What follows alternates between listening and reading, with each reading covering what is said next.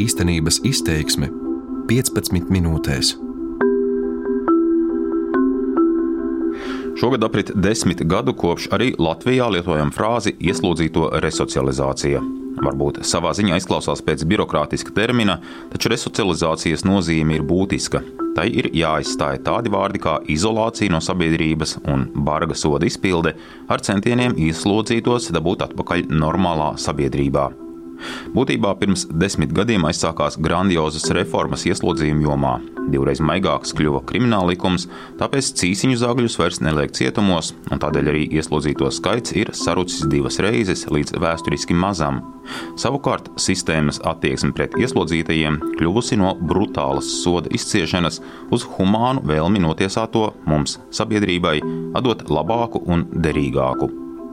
Mans vārds ir Edgars Kupčs, un raidījumā īstenības izteiksme šodien un rīt kopā ar maniem sarunbiedriem ieskatīsimies divos plašos resocializācijas tematos.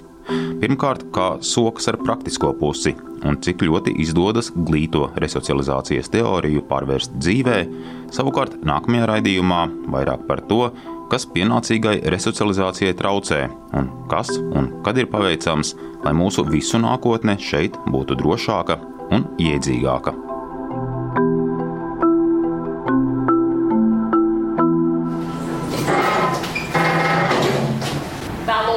Labdien! tā tālāk jūs dežurants. Tātad visus aizdevumus priekšmetus noliekam skāpītī, visus mobilos telefonus. Man tikai viens ir. Zina, iedod atslēdziņu. Esmu ieradies cēsu audzināšanas iestādē nepilngadīgajiem. Pēc 5 minūšu ilgas formalitāšu kārtošanas visas mantas, izņemot iepriekš ar ieslodzījumu vietu pārvaldes saskaņotais diktofons, jāstāj skapītī. Pārbaudīsim jūs pie viena. Tā, atcinam rociņu. Tas kamatiņā. Mikriņš. Ā, Tas mikriņš būtu izkritis, jā, un mums pēc tam būtu problēmiņš. Skapītī atstāja arī kabatā atrasto 1 eiro monētu, un tad drīz vien nonāku audzināšanas iestādes teritorijā. To, ka esmu cietumā, nodod tikai augstās sētas un iespaidīgi savītās dzeloņdrātis. Arī ir pat Jā, siltumnīca.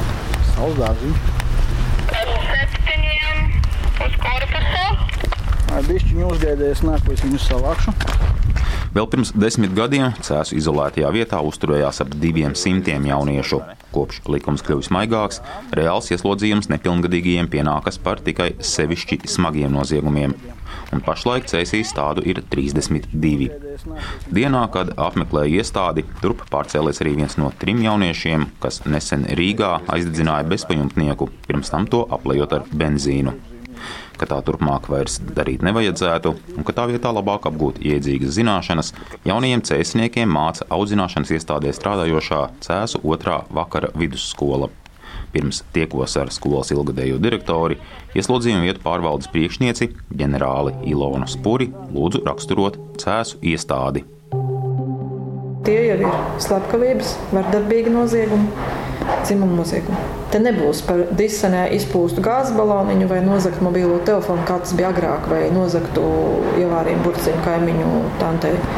Bet tas nozīmē, ka šie, kas ir 32, pārsvarā tie ir 17 gadīgi, 18 un vecāki. Līdz 18 gadu vecuma sasniegšanai ir varbūt kaut kādi 7, 8 vairāk. Tie, kas tur ir, tie tiešām ir par slepkavībām, par vardarbību, aizdedzināts bombas vai noslēpts klases biedrs. Nu, jā.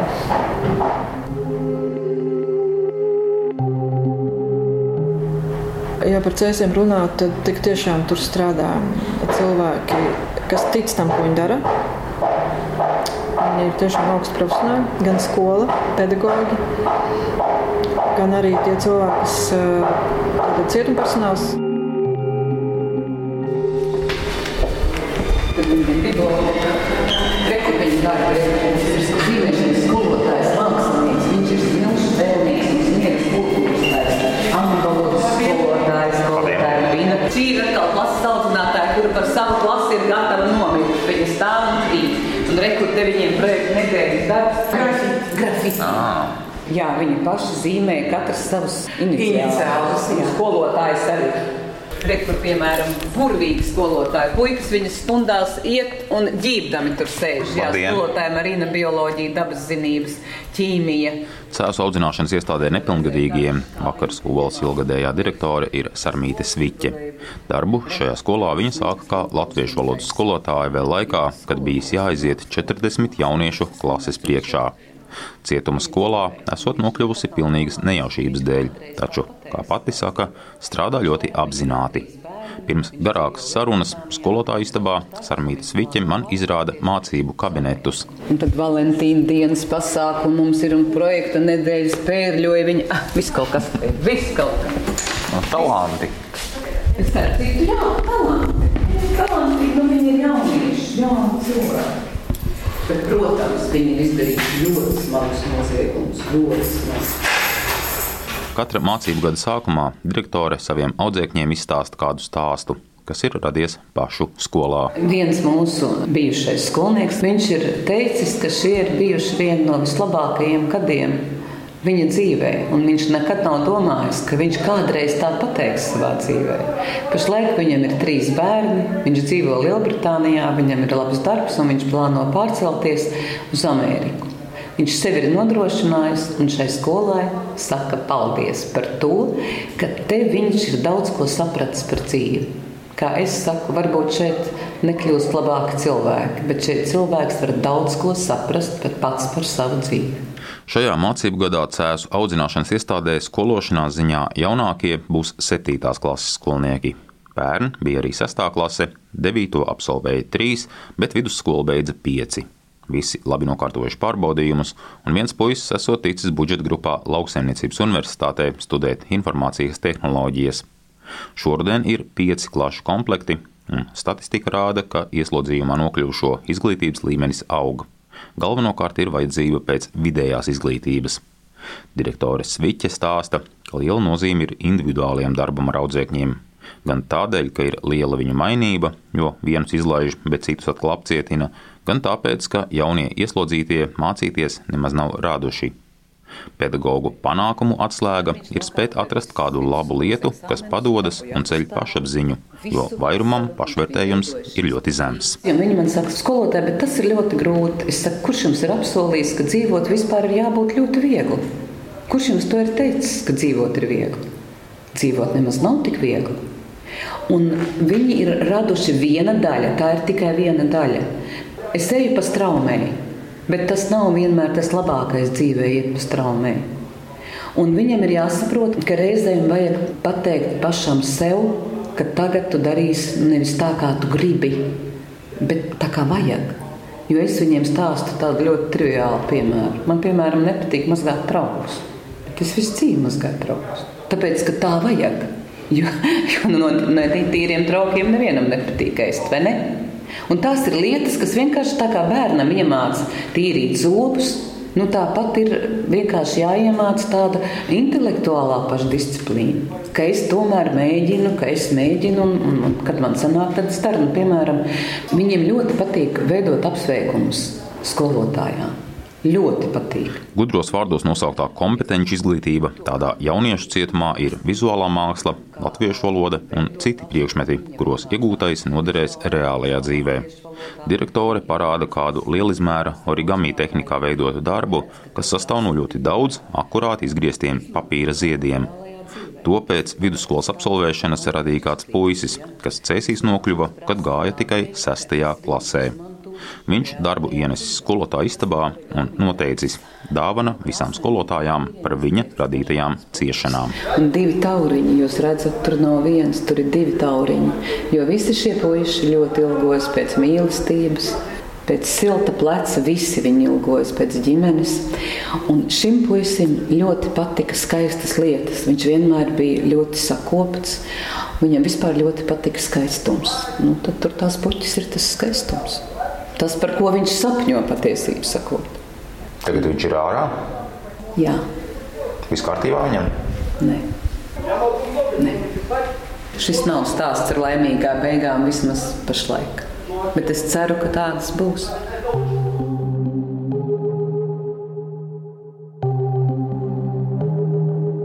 Šis puisis tātad ir viens no aptuveni 3,5 tūkstošiem ieslodzīto, kas mitinās kādā no deviņiem Latvijas cietumiem. Lai gan desmit gadu laikā to skaits ir divas reizes samazinājies, ik gadu cietuma durvis ver ap 12 tūkstošiem noziedznieku, jo daļai ir mazāki ieslodzījuma termiņi, vieni iziet, bet viņu vietā nāk citi. Teju tūkstotis, jeb nepilna trešā daļa no šodien cietumos mītošajiem, ir apcietinātie, tādi, kas tiesu vēl tikai gaida. Statistika rāda, ka pirmo reizi aiz restēm nonāk mazāk nekā puse no visiem. 46% cietumos sēž tādi, kas pirmo reizi atrodas brīvības atņemšanas vietā un izcieš brīvības atņemšanas sodu. Un tad procenti 15, kas sēž otro reizi. Nu, varbūt viņam tur jaunībā kāja paslīdējis, bija viņš jau bija cēsīs, pabijis, un tad, tad nu, viņš ir vēlreiz pēc tam. Bet tā ir viena vismaz trešā daļa, trešo, ceturto un vairākas reizes. Tā ir tā riska zona, kas ir apzināti tendēti izdarīt noziedzīgus nodarījumus un atrasties šajā vidē. Ieslodzījumu vietu pārvaldes priekšniecei ģenerālei Ilonai Spurei nepatīk statistiski raksturot vidējo ieslodzīto, jo katrs gadījums ir citāds. Tomēr dati ļauj daudz ko arī secināt. Piemēram, ka vidējais ieslodzītais ir vīrietis, jo sieviešu ir tikai nepilni 300, jeb krietnes mazākums. Cietumā mītošā vīrieša portrets rāda, ka bojāta tikusi ne tikai viņa dzīve. Zaudētājs ir arī ieslodzītā ģimene un galu galā valsts budžets. Vidējais ieslodzītais ir 25 līdz 45 gadus vecs. Cilvēks darbspējīgs un, un, un būt spējīgs sevi atražot, bet viņš atrodas cietumā un attiecīgi tikai nu, kroņa maizē jādzīvo. Agrāk es teicu, ka vidējais tomēr ir pabeigts, nu, varbūt pabeigta pamat izglītība un varbūt pat nepabeigta. Tad šobrīd ir tā pamat izglītība un vidējā no sociāli nelabvēlīgas vidas vai no nepilnas ģimenes, vai kur tēvs, māte vai abi lietojuši alkoholu visu viņu bērnību acu priekšā un kaušies un tam līdzīgi. Viņš nedomā tādās dimensijās, varbūt kā mēs ar jums, un citi priekšstati ir par dzīves vērtībām kā tādām, un kas ir labi vai nav labi. Ļoti bieži cilvēks ir to noziedzīgu nodarījumu izdarījis alkoholu, jeb nu jau vairāk narkotisko vielu ietekmē. Tā tad atkarība. Visbiežāk nav legālu darbu strādājis. Nu, tad tā ļoti, ļoti vienaldzīgā attieksme pret savu veselību kā tādu. Jo vidējais ieslodzītais noteikti būs ar veselu buķeti dažādu diagnožu. Vidējais cietumā sēdošais vīrietis tur nokļuvis par zādzību vai laupīšanu. Divas trešdaļas no visiem pastrādājuši smagus un sevišķi smagus noziegumus. Ieslodzītās sievietes atšķiras piemēram ar to, ka cietumā nonākušas par darbošanos narkotiku apritē, tikai tad seko zādzības un laupīšanas. Tendences Eiropas cietumsistēmā rāda, ka atšķirībā no vīriešiem ieslodzīto sieviešu skaits īpaši nesamazinās vai pat pieaug. Arī noziegumu raksturs kļūstot smagāks.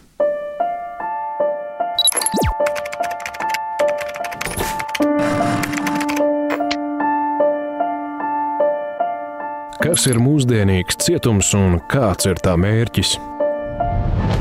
Vai tikai sodīt, izolēt no sabiedrības. Ieslodzīto masa būtībā sabiezē vai noslāņojas. Aiz restēm atrodas lielākoties par sevišķi smagu noziegumu pastrādāšanu. Tādēļ arī arvien gudrākai jākļūst resocializācijai. Tieslietu ministrija uzskata, ka to kavē vecie cietumi, un par to runā nulle radītā video. Brasas cietums. Vēl pirms pusgada ieslodzījuma vieta vairākiem simtiem ieslodzīto un darba vieta cietuma personālam. Es domāju tikai par ēdienu mācīšanos. tas, tas bija tas, kas pietrūka tur. Tas ir Roberts. Ēdiens tur ir drausmīgs. Citreiz pats no smakas vien tev pāri tev apetīts var pazūd vienkārši. Notiesāts par piedalīšanos laupīšanā. Tagad viņš to sauc par dzīves lielāko kļūdu. Pusaudzis būdams, bezatbildīgi iedzīvojies ne tajos labākajos draugos. Valsts gan viņam deva iespēju laboties, taču Roberts, piemēram, nakšņoja nevis bērnamā, bet īrētā dzīvoklī. Tas tika uzskatīts kā bēgšana. Pieķerts arī alkohola lietošanā, tad atkal noziegums. Apzakāt dzīvokli? Mm, jā. Bija ļoti liels alkohola reibums. Jā. Tad aizvien, tas jau bija pēdējais solis. Pēc tam vispār man savāca un ieslēdza viss. Tikko 18 gadi bija palikuši, tik, tikko no bērniem, viss, viss. Nebija ne darbs oficiāls, nekas tāds. Un tad teorētiskie vairāk nekā trīs gadi pārvērtās īstā cietumā.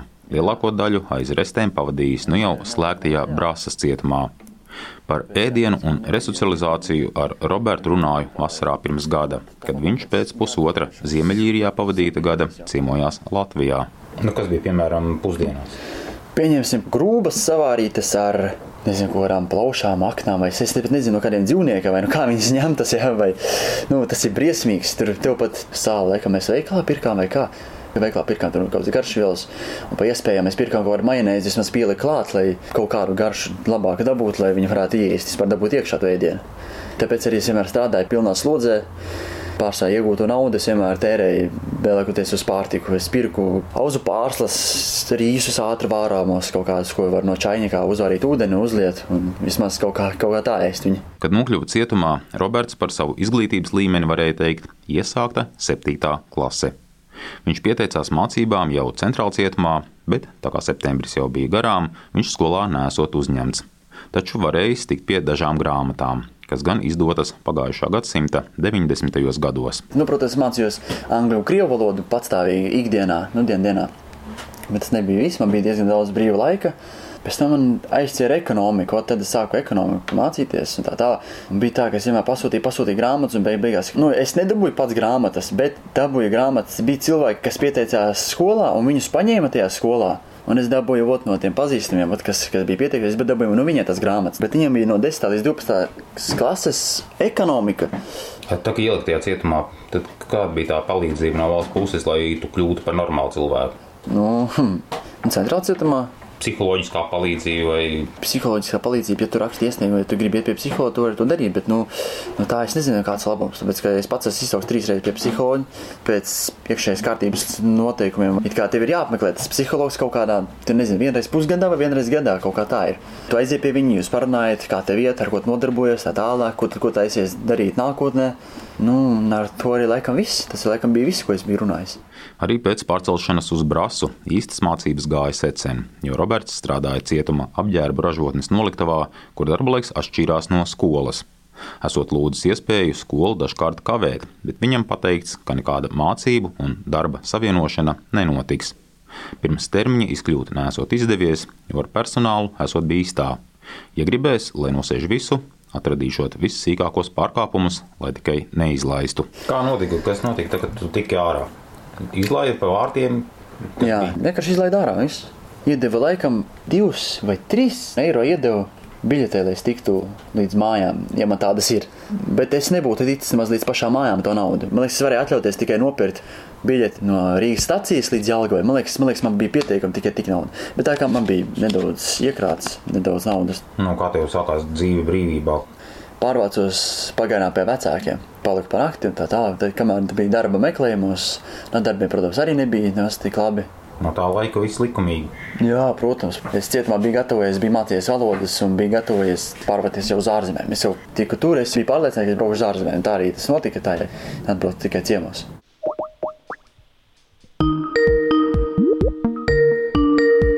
Tagad Robertam ir 24 gadi. Gadu pēc mūsu sarunas klātienē nu sazinājāmies ar Skype starpniecību. Es gatavojos darbu, taisos. Ko strādā? Taisam milzīgas siksnas. Tāds konvejeru siksnas, nezinu, es nezinu, kā viņas izskaidro.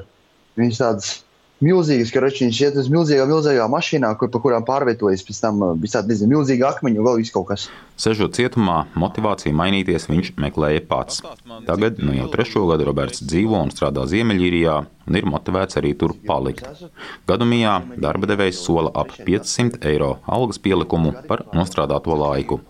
Tad mēnesī uz rokas saņemšot jau 2000 un uzreiz varēs īstenot divus mērķus. Lieku tiesības otrs tagad nošķirsties no priekšreizes mašīnu. Man mērķis ir to visu izdarīt līdz jaunajam gadam.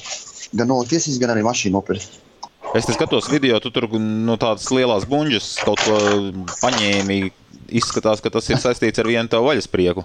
Uh, vispār nē, tur iekšā bija aminoskābes, vispār, bet tagad man manā putra tur ir. Es manā. Jā, manā. es nodarbojos ar sportu visu laiku. Jau divi gadi. Svaru cilāšanas. Palielā tas varētu būt tā kā bodybuilders, nu, tā kā kultūrisms, bet, bet nu, es jau nepiedalos nekādās sacensībās, nekur. Lai, lai, lai es uzņemtu svaru, es tādu dienā 4000 kalorijas. Tas ir muskuļu masas vārdā, jā? Jā, jā. jā. Izklausās, ka uz brāzas cietuma arī tu negribi atpakaļ. Nu, viņš jau ir aizslēgts, bet nu, tāpat tā negribētos arī būt vaļā.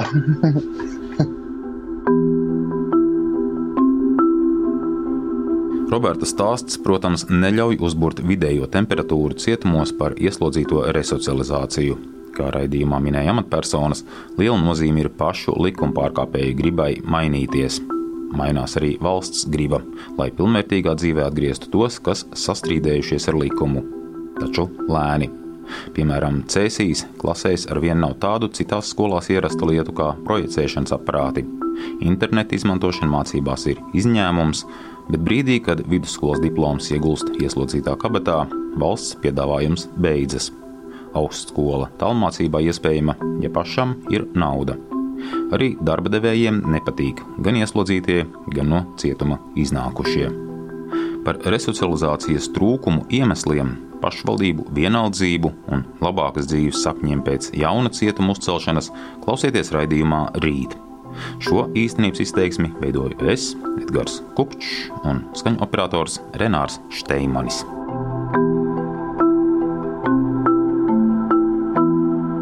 Īstenības izteiksme 15 minūtēs.